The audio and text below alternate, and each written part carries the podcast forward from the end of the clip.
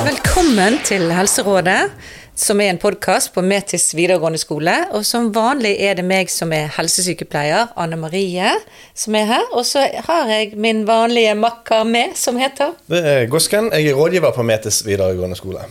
ja. Og i dag har vi en gjest som heter Katrine Fedøy. Velkommen til deg, Katrine. Takk for det, Anne Marie.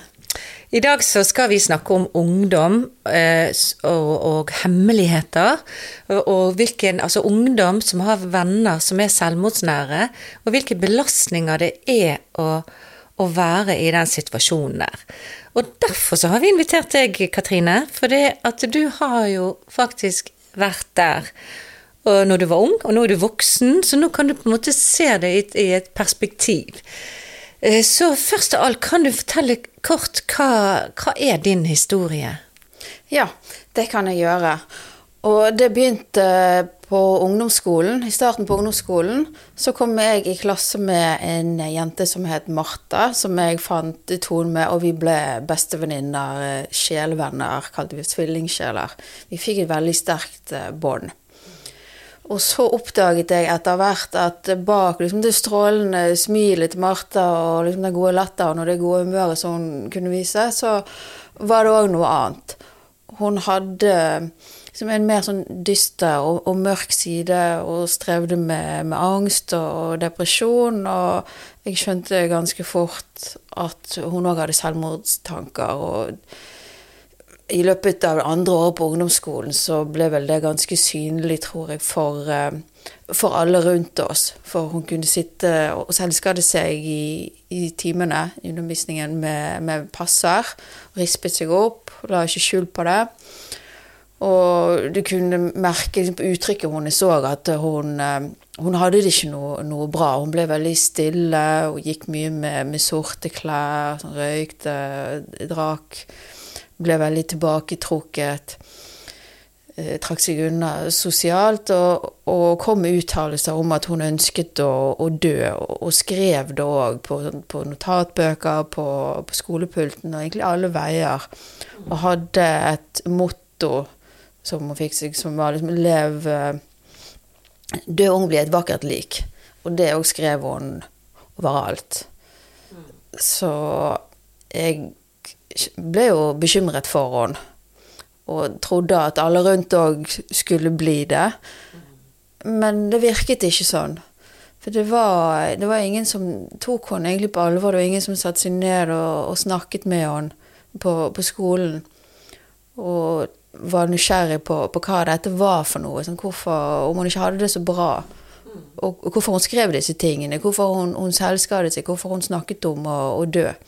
Det var ingen som gjorde det. Det var ingen som spurte meg heller. Og kom med noen bekymring på om jeg visste noe. Så, det var òg mange andre rundt oss som, som ikke hadde som det bra. det. Det var mange som visste det, Opptatt, det var mange som ikke hadde det bra, hadde ikke bra hjemme, sånn, utsatt for omsorgssvikt, vold, eh, alkoholiserte foreldre. Og skolen tok ikke tak i noe, de voksne. Det var ingen som, som fikk hjelp. Sånn at jeg og, mange andre, vi mistet rett og slett tilliten til alle de voksne rundt oss. Og ble jo da mye mer sammensveiset, sant? og altfor gode til å holde på hemmeligheter. For vi stolte ikke på de voksne, det var ingen som kunne, kunne hjelpe oss. Og det er jo veldig vanskelig når du går rundt og er bekymret for, for en nær. At en nær skal ta livet av seg, og du ser at det er ingen som hjelper, og du føler at det er ingen du kan henvende deg til og, og få hjelp. Da ble det jo ditt ansvar helt aleine. Jeg Jeg kaller jo det å bære et annens liv. Sant? Bære en annen person. ja, det føltes eh, Her er jo også sånn, når du sier um, Her er det også selvskading inni timene. Altså Det var veldig tydelig, og det var ingen som snakket om dette i det hele tatt. Det er jo litt, Jeg håper vi er kommet litt lenger i dag, men vi vet jo ikke. Men eh, det er klart at man burde jo sagt gjort noe, da. Absolutt. Det, det tenker jeg, for det er jo vanskelig for de som, som strever. å ta initiativ til, til en samtale og, og be om hjelp, for du vet ikke hvordan det blir mottatt. Spesielt ikke når du opplever sånn at de voksne rundt deg liksom vender eh, ryggen til, nærmest. Later som de ikke ser. Sånn, hvordan skal du da be, be om hjelp? Og på den tiden så, så, sa man jo det at de som snakker om å ta livet sitt hele tiden, de gjør det ikke. Og det har vi jo gått helt vekk ifra, for vi ser jo det at det, det er ikke sant. For det, det, kan eh, godt skje at de tar livet sitt fordi om, om man snakker mye om det. Ja, det er faktisk en del som fortsatt tror på, på den myten. Mm. Det har jeg opplevd i mitt arbeid som fosterhjemsveileder. At jeg hører at godt voksne mennesker sier det at men vi kan jo ikke gjøre noe, for de som tar livet av seg, de sier det jo ikke til, til noen. Og, og de som, som, har bestemt seg, altså, hvordan kan vi stoppe de? Mm. Så da legger man seg helt bakpå og fraskriver seg alt ansvar. Mm. Mm. Og det er jo et rop om hjelp. Og, og mange som sier også at, det, det, at de ønsker bare oppmerksomhet. Eh, men det er jo ingen som har det bra som går rundt og, og selvskader seg eller eh, sier at de har lyst til å dø. Eh, så uansett så er jo det en person som trenger noe, som, som sender ut noen signaler om 'hjelp meg', Absolutt. 'se meg'. Ja, det er ikke alle som selvskader seg eller sier at de ønsker å dø, som gjennomfører selvmord. Men det er jo et veldig tydelig tegn på at det er et menneske i, i en krise mm. som trenger hjelp, og som ikke vet noen annen måte å, å be om hjelp på. Så hovedgreien her er jo det at er det noen som selvskader seg, som viser det, så er det lurt å be om hjelp, og hjelpe de som selvskader seg til å be om hjelp. Sant? Og det er mm. rett og slett Roper du om hjelp, så er det greit å hjelpe. så, så, enkelt er, er det jo egentlig, da. Ja. Det er jo det. Ja, for vi vet jo det at eh, når en person tar livet sitt, eh, så er det så Altså, så ser de ikke noe håp. Sant? De har mistet håpet, og de har mistet troen på at noen kan hjelpe dem. Og alt er så mørkt. Eh, så, så, det var vel det som skjedde med Martha og deg, da. At det var jo ikke noe vits å snakke med noen voksne. For det, du så jo at de, de visste jo det, men de gjorde ingenting. De snudde, de snudde, ryggen til, de ville ikke se, de ville ikke høre. Det var ingen som, som uh, gjorde noen ting. Ja, det var jo det jeg opplevde. Og så, uh, når hun begynte på ungdomsskolen, nei, på videregående, så hadde hun jo et alvorlig selvmordsforsøk. Og ble funnet av et familiemedlem og kjørt til legevakten.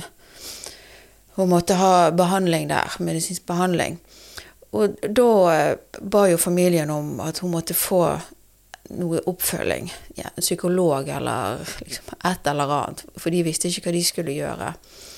Mens beskjeden da var jo at eh, ja, vi har ikke kapasitet, og det gikk jo bra, men hvis ikke du føler deg bedre om et år, så får du kontakt oss igjen, så får vi se om eh, det er noe vi kan gjøre for deg.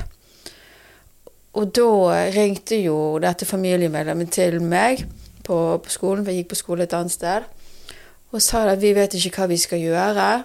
Eh, du er den eneste hun har tillit til og er noen som snakker med, så nå må du passe på henne, og du må, må, snakke med henne, og du må hjelpe henne.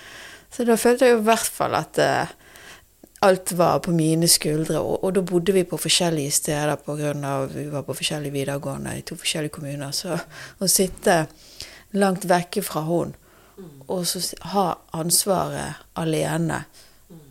16 år gammel. Et veldig stort ansvar. Ja. Og hvordan var det for deg? Det var helt fryktelig. Ja. Var, jeg, jeg, var så sliten og så stresset, og jeg tenkte på det hele tiden. Og var livredd for uh, at hun skulle dø. Og prøvde å passe på henne i helgene, for da var vi sammen. Da kunne jeg passe på henne. Men det var jo dager hvor jeg kjente at jeg skulle ønske at noen andre kunne passe på henne. At jeg kunne slappe av og liksom kose meg uten å gå rundt og tenke på henne hele tiden. Og trøste henne når hun var, var lei seg. Det var mange som utnyttet det at hun ikke tok igjen.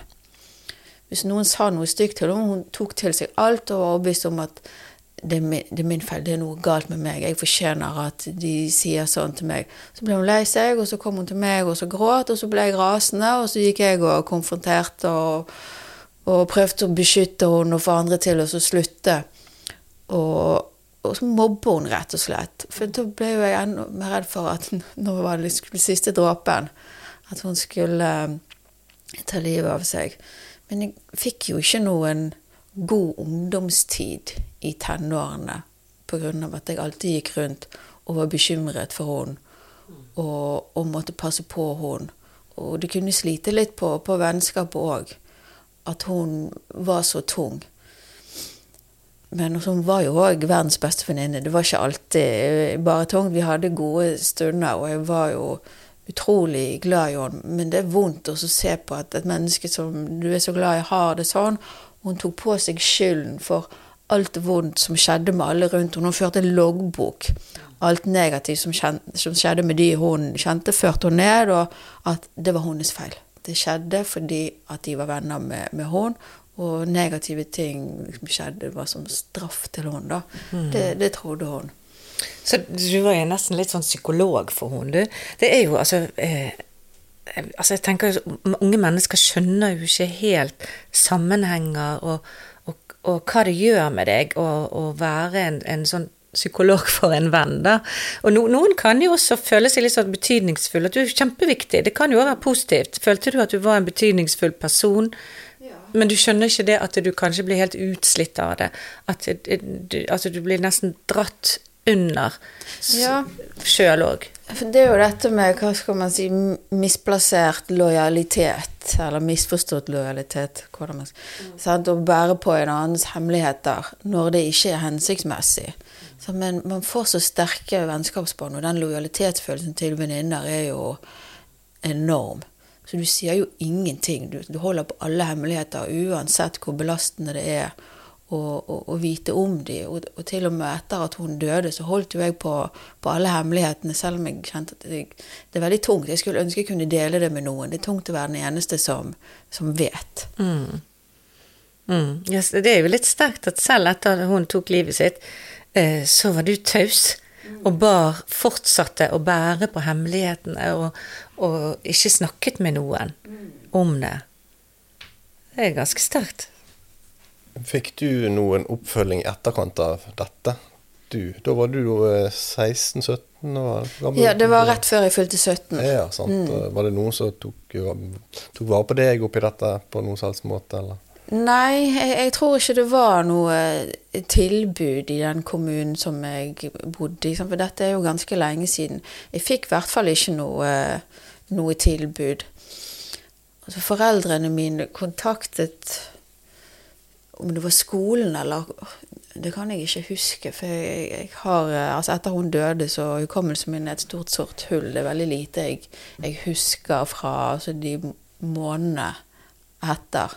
Men jeg vet at jeg ble sendt til en psykolog via skolen på et vis. Men uh, altså, han spurte jo ingenting om det. Han forventet at jeg skulle sitte der og fortelle av meg selv hvordan jeg hadde det, og hva som var vanskelig. Så jeg gikk jo ikke der mer enn to-tre ganger og syntes at det her var jo fullstendig bortkastet tid. Hvorfor skal jeg sitte her og snakke med det her rare mennesket. Hva skal han hjelpe meg med? Jeg fikk jo ingen tillit.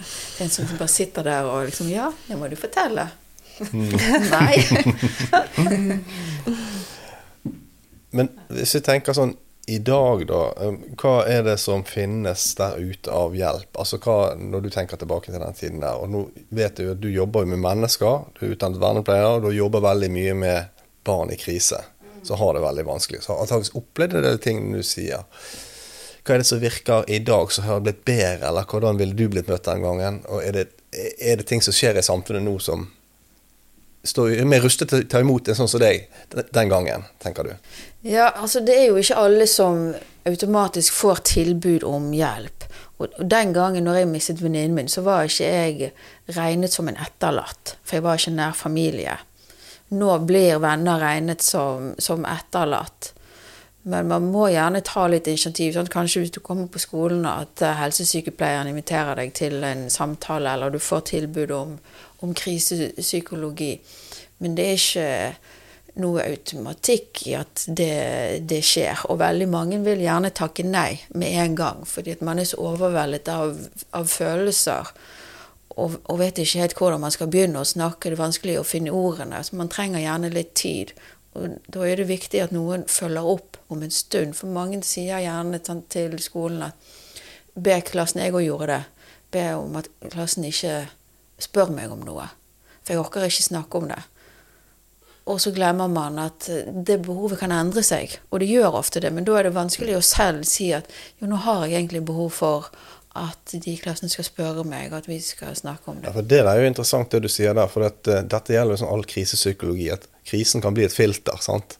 Du er så sjokkert at du har det, det er liksom ikke realitet nesten. Og så kanskje ettertid så har du rett og slett litt behov for hjelp likevel. Og det er jo et varsku til oss som hjelper. Eller du, deg nå og Anne Marie. Sånn som vi som hjelper elever som har opplevd sånne ting, eller så står i sånn situasjon at man kan følge opp også i ettertid. For det er jo ikke en oppskrift på reaksjoner. Nei, det, det er ikke det. Og man må gjerne ha litt tid til å ta inn over seg hva som har skjedd, og sortere litt i, i egne følelser og, og tanker før man er klar for å og så dele de med noen. Og jeg tenker jo at unge mennesker skjønner ikke bare unge, da, men spesielt når du er ung. Du skjønner ikke det absolutte med, at eh, med døden. Det tar litt tid før det går innover deg at faktisk den personen er vekke. Den, og det kan jo ta mange måneder, opptil et år. Altså, det er en lang sorgprosess før det går opp for deg. Og vi har jo Vi kaller jo alltid inn noen, altså ungdommer som har mistet noen, eller venner i, i selvmord eller andre. Og så har vi noen samtaler, og så går det kanskje greit en stund, sant? og så glemmer vi jo det. Eller, vi har jo av og til gjort at det er sendt melding og kalle det inn igjen. Vi glemmer, glemmer, det er veldig lett å glemme å kalle det inn igjen når de kanskje har, har fått litt tid på seg. Og det er sånn som du sier, de har ikke ordene. De er litt sånn bedøvd av krisen. Og sånn skal det jo være, for du klarer ikke å ta det inn. Det er altfor brutalt å ta alt inn på en gang. Eh, Så jeg tenker at vi bør jo være mye, mye mer flinkere til å følge opp der, som du sier. Ja, for det er gjerne mange vanskelige følelser i starten når noen har tatt livet sitt. Det er ikke bare sorgen, men det er denne følelsen av å ha blitt forlatt. For du føler deg sveket. Jeg følte også med Martha. at Hun, hun sa ikke fra til meg at hun skulle ta livet av seg på forhånd. Jeg fikk ikke noe, noe varsel den dagen. Vi hadde avtalt noen timer før hun tok livet av seg. Vi skulle treffes neste dag. Hun hadde ikke etterlatt noe brev til meg. Så jeg følte meg veldig sviktet. Liksom, hvordan kunne hun bare forlate meg på den måten? Og samtidig så hadde jeg jo en enorm skyldfølelse for at jeg ikke hadde forstått det. At jeg ikke hadde hindret det.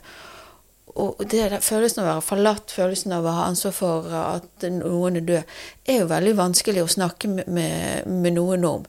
Så det er klart det òg bidro jo til at jeg i starten ikke klarte å, å snakke med noen.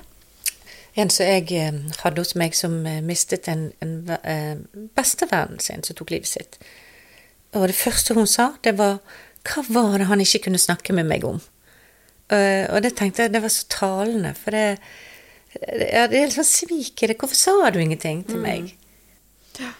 Ja, for i hvert fall jeg kunne fått i det minste et brev, da. Med et farvel. Liksom. Hvorfor, hvorfor kunne ikke du ha gjort det, i det minste? Det er også sånn, Vi har jo opplevd også gjennom skole og tidligere der jeg jobber at eller eller at ungdommer ikke vil snakke med foreldre. At foreldre blir fornærmet når de har hatt selvmordstanker, for ikke de har delt det med dem. For du tror jo at du som forelder også skal kunne ta imot alt. Men det er jo ikke alle man deler alt med heller. sant? Og det er jo... De beskytter jo ofte foreldrene sine. Når mamma blir så lei seg, så hun kan, må ikke si noen ting til mamma. Sant? Det er jo ofte det de sier. For de, de har mer enn nok med seg. Det, det er nok eh, Kanskje det var sånn før òg, men det er veldig vanlig nå for tiden. Ja, og jeg tror eh, at en ikke bare beskytter foreldrene, men òg venner hvis en er redd for at ikke de vil tåle å høre om det. Sant? Så later en som man har det fint, og sier at nei da, det, det går bedre nå. Sånn at ikke de skal være så bekymret. For det gjorde jeg etter jeg mistet uh, Martha. For det var jo mange som var veldig bekymret for, for meg, for jeg ble veldig sånn destruktiv. Sånn at um, mine nærmeste venner og familie var veldig bekymret for hvordan det skulle gå med meg, og om jeg skulle liksom følge Martha i graven. Så etter hvert så begynte jeg bare å late som at alt gikk greit, for at de skulle slutte å, å være redd for meg. Og det er jo en reell eh, problemstilling, for vi vet jo at de som har, har, er etterlatt etter, etter selvmord, har en høyere risiko for å ta sitt eget liv sjøl også. Men eh, eh, men da, hvis det er sånn råd til foreldre eller folk som står rundt, da, hva skulle de gjort? Skulle de spurt litt mer? Spurt en gang til? Brydd seg litt? Ja, jeg tenker man kan alltid spørre en gang til. Man skal ikke være redd for å spørre om Man bør spørre direkte spørsmål òg. Ikke gå liksom rundt grøten og, og spørre og være, litt sånn vag og ullen. For den som strever da, kan tenke at de vil egentlig ikke høre. Nå er det best at jeg bare sier at alt går, går greit, for de vil ikke tåle det hvis jeg sier at jo, jeg har tenkt på å ta livet av meg. Og hvis en ikke når inn til, til barnet sitt, som en er bekymret for, så kan en gjerne snakke med, med venner rundt og si at jeg, jeg er litt bekymret. eh, Er du bekymret? Eller man kan kontakte helsesykepleier på skolen, prøve å få noen andre til å komme i posisjon. For det er ofte vanskelig som forelder. Man vil ofte beskytte foreldrene sine, og når man er i tenårene, så er det ofte litt avstand òg mellom barn og, og foreldre. Sant? Man vil løsrive seg, man skal ikke være så avhengig av de, og, og hvis man sier noe som gjør at de blir bekymret, så får man gjerne innskrenkning i friheten. Sant? Man får ikke lov å, å bevege seg rundt om i, i helgene, får ikke lov å gå på overnatting. Ja, det det, du sa litt i sted også, er det sånn viktig for oss å hjelpe rundt at du må vise at du er i stand til å ta imot den informasjonen. Sant? Og da Måten man gjør det på, er jo egentlig å være litt tydelig og være direkte i spørsmålet. Ja. Sånn at ikke man pakker det Sånn som du sier, går rundt grøten, pakker det inn, eller du rett og slett være veldig konkret eh, i forhold til hvordan du har det. Tenker du sjøl på å ta ditt eget liv? At man er litt sånn tydelig for å vise da at jeg kan høre på alt du har å fortelle. Du skremmer ikke sånn at Å være en trygg voksen da rundt, og det er jo ting som vi forhåpentligvis blir bedre på. Ja, og så tenker jeg at, at eh, altså, barn og unge eh, de trenger jo voksne som viser vei, hva er greit og hva er ikke greit. Trenger, når vi har vært eh, inne i klassen, så snakker jo vi ofte, Vi snakker om alt. Psykisk helse og seksuell helse og selvmord og alt mulig. Og da, da er jo vi ganske tydelige på at man ikke skal bære et annens liv. At hvis du har en venn eller en venninne som, som, eh, som uttaler at hun ønsker å ta livet sitt, og du må ikke si det til noen, eh, så er det en hemmelighet som du ikke har lov å holde på. Altså de gode, vonde hemmeligheter som vi snakker om, på en måte. Det, det, de vonde skal man ikke sitte alene med. Du skal aldri sitte alene med ansvar for et annens liv. Og mange gjør det. Jeg har hatt mange som ringer hver morgen for å se at venninnen lever. Og, og, og, og passer på sånn som du gjorde. Og jeg pleier også å si at eh, selv jeg som er fagperson, har ikke lov å sitte alene. Hvis, eh, hvis du sitter hos meg, og så når du, går ut av døren, så vet jeg ikke om, om, det, om du kommer til å ta livet ditt eller ikke. Så kan ikke jeg bare sitte alene der. Jeg, jeg, min jobb er jo å redde liv. Jeg er forpliktet til å redde liv hvis, det, hvis noens liv står i fare. Eh, Sånn at da må jeg snakke med noen, og det sier jeg ganske klart til henne jeg snakker med, at jeg, jeg kan ikke la det gå. Det jeg, jeg kan ikke sitte her, jeg, kan, jeg må ha fred med meg sjøl når du går ut døren. Jeg kan ikke ha det ansvaret i hele helgen om du lever eller ikke lever. Eh, Sånn at hvem kan vi da snakke med? Da må vi snakke med en voksen. Jeg har ikke lov å ikke snakke med noen. Og da eh, pleier jeg å si at da er det enda viktigere at dere som unge mennesker ikke sitter alene med det. Nei, for I tillegg til den avvergingsplikten som eh, enhver egentlig har når det gjelder selvmord, så er det òg noe med at når man er, ung, så forstår man ikke helt konsekvensene av å bære på noe sånt alene. Hvis den venninnen din eller vennen din faktisk gjennomfører selvmord. Den skyldfølelsen som man da sitter igjen med, som er forferdelig å, å bære. Og jeg vil jo si altså nå når jeg har eh, fått litt sånn avstandsperspektiv til at det er bedre å risikere å miste en venninne, altså vennskapet, enn at man mister den fordi at hun eller han dør. For et vennskap kan repareres. At du blir kanskje litt sint på deg i starten og, fornærmet, men hvis det kan bidra til at den personen får hjelp og overlever synes det var veldig, veldig kloke ord av det du sier der, altså. Med at du kan reparere et vennskap, men dør venninnen din, så er det ingenting å gjøre mer. sant? Nei, og da er gjerne ditt eget liv ødelagt Ja. Det var jo ditt i ganske lang tid. Altså, i, i, altså Du brukte mye deler av ungdomstiden din og ditt voksne liv på å bearbeide det. Og du, selv om folk sier til deg at det er jo ikke din skyld, og du kan jo rasjonelt vite det at det var ikke din skyld, men skyldfølelsen er der likevel. Sånn er det når man er etterlatt etter selvmord.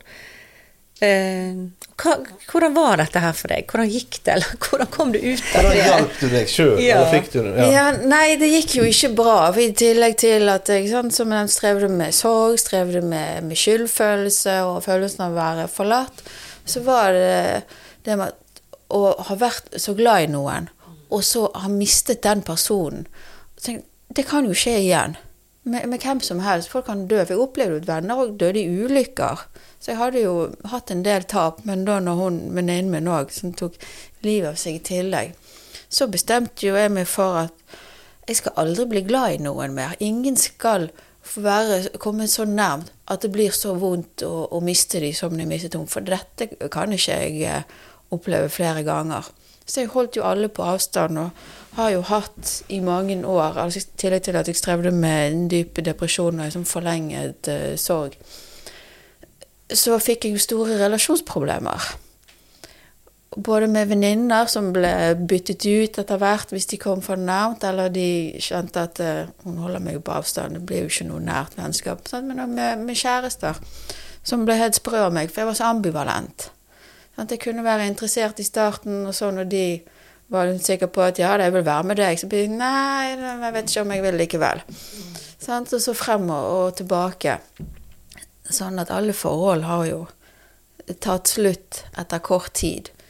Fordi at enten så driver jeg de fra forstanden med min vingling frem og tilbake, eller at jeg bare kjenner at uff, nei, dette funker ikke. Jeg finner alltid sånne rare, rare grunner til at dette ikke kan gå. Og jeg vet jo det, det handler jo om mine relasjonsutfordringer av at jeg aldri fikk bearbeidet sorgen min og opplevelsen med å være pårørende til en som ønsket å dø.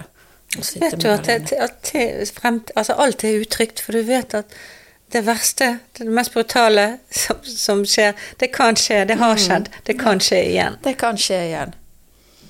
Og da er det bedre å holde andre på avstand enn å risikere å bli glad i noen og bli avhengig av et menneske, og så miste det. Kan vi, Går det an å gå litt, tenke litt sånn Hvor kommer vendepunktet for deg? Altså, Når kommer dette her? Tid får du det? Kom du videre i livet ditt? Fikk du sortert Altså, hva, hva Sånn som nå, hvor er du nå hen? Ja. Jo, nå er jeg jo på, på et veldig godt sted, og det har jo vært en veldig lang prosess. Altså, vendepunktet mitt var når jeg var 24 år. Så møtte jeg en, eh, en mann som tok meg med storm så fort at jeg glemte at jeg ikke skulle bli glad i noen. Og han klarte å få meg til å føle meg bra med meg selv, og jeg våget å liksom tro på en fremtid igjen for første gang. Og så tok jo det slutt. Det var et av og på-forhold i, i flere år. Og så gikk nå årene, og så fikk jeg barn, og det hjalp. Endelig en som var, var min. For han kunne jeg jo passe på, men jeg ble jo en eh, ekstremt hønemor. Ja, du ble redd for å miste. Ja, altså han skulle ikke være mer enn fem centimeter unna meg. Så jeg fikk, når han begynte i barnehagen, det fikk han ikke lov til før han var tre år. For det var jo ikke forsvarlig, synes jeg, å sende et barn i barnehagen før det. For jeg kunne ikke vite om de kunne passe godt nok på han. Men jeg fikk jo flere ganger tidsnakk, for han var for lite i barnehagen. Han var alltid den siste som kom, og den første som ble hentet, og han var veldig mye hjemme hver gang jeg eh, altså Hvis jeg ikke var på jobb, så var han hjemme. Og når han skulle begynne på skolen, så syntes jeg det var, var fryktelig. Og jeg, jo, jeg måtte jo følge han til skolen. Og leide han i eh, ja, første to årene, og så skulle han begynne å gå selv.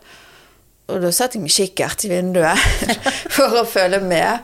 Men jeg kunne jo ikke se siste stykket, så jeg var jo alltid sånn på nippet til å ringe skolen for å spørre har han kommet frem. Han kunne bli påkjørt av bussen, eller han kunne bli kidnappet. Jeg så for meg all slags Alt kan skje. scenar- Ja, var han fem minutter for sent hjemme fra skolen, så ringte jeg rundt eh, til alle, foreldrene til alle vennene og spurte om de hadde sett han, om de visste hvor han var. Er du sånn ennå? Eh, det har blitt bedre.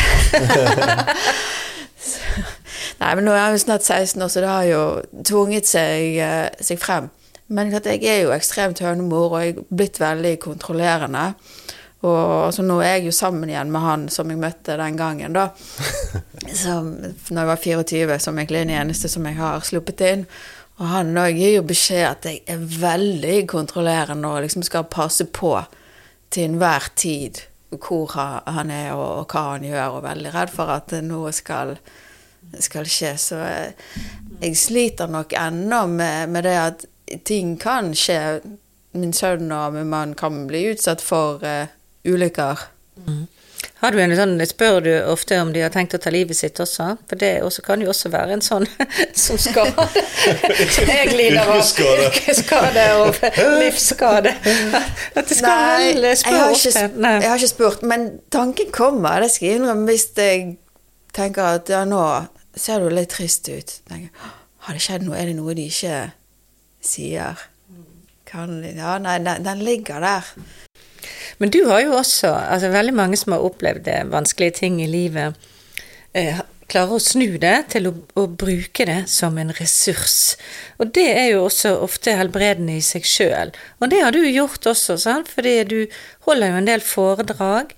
Og du har fått lov å bruke det, Martha, altså venn- venninnen din sin historie av familien. Eh, og du jobber med vanskeligstilte barn. Og nå er du også styremedlem i Leve Hordaland. Ja. Eh. Så du har klart å snu det og bruke det til noe positivt. Ja, og det er vel det som har gjort at jeg nå omsider kan si at jeg har lagt sorgen bak meg. Så det betyr ikke at jeg ikke tenker på den. Av og til kan sånn, bli litt trist og, og så felle noen tårer og savne noen. Men jeg er ikke i sorg lenger. Og det, det vendepunktet kom når jeg begynte å snakke åpent om det. Om og om igjen. Og liksom fortalte historien.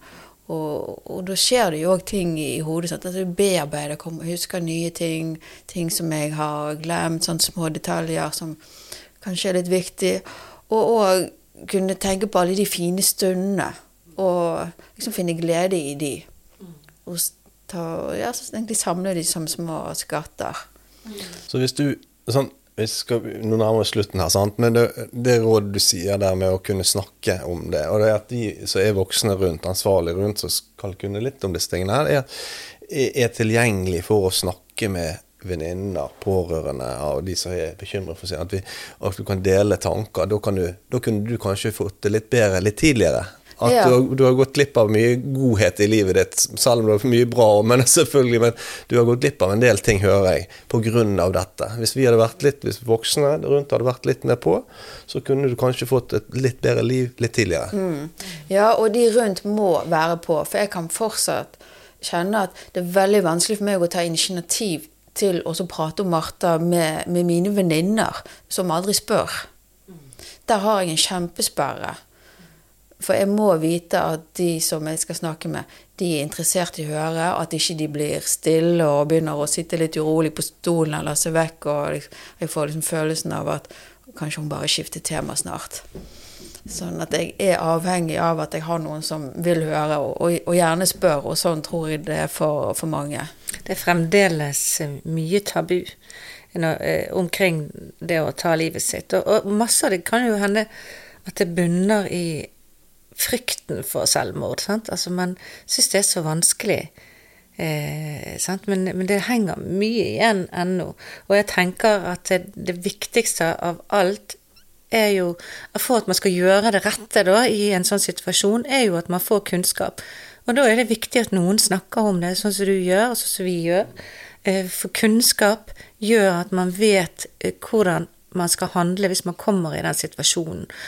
Og siden vi alle tre her er nå ressurspersoner i Livet på timeplanen, så må vi nevne den igjen. Fordi Livet på timeplanen er et program som nå Bergen kommune har vedtatt skal eh, innføres i alle grunnskoler og videregående skoler. Der alle ansatte på skolen skal kurses i å, å kunne møte unge mennesker som har psykiske problemer, eller er selvmordsnær, eller etterlatt, for den saks skyld. Eh, Å kunne eh, vite hvordan du møter, hvordan du snakker, hvordan du spør, og være trygg nok til å ta den samtalen når den eleven er faktisk åpen for det der og da.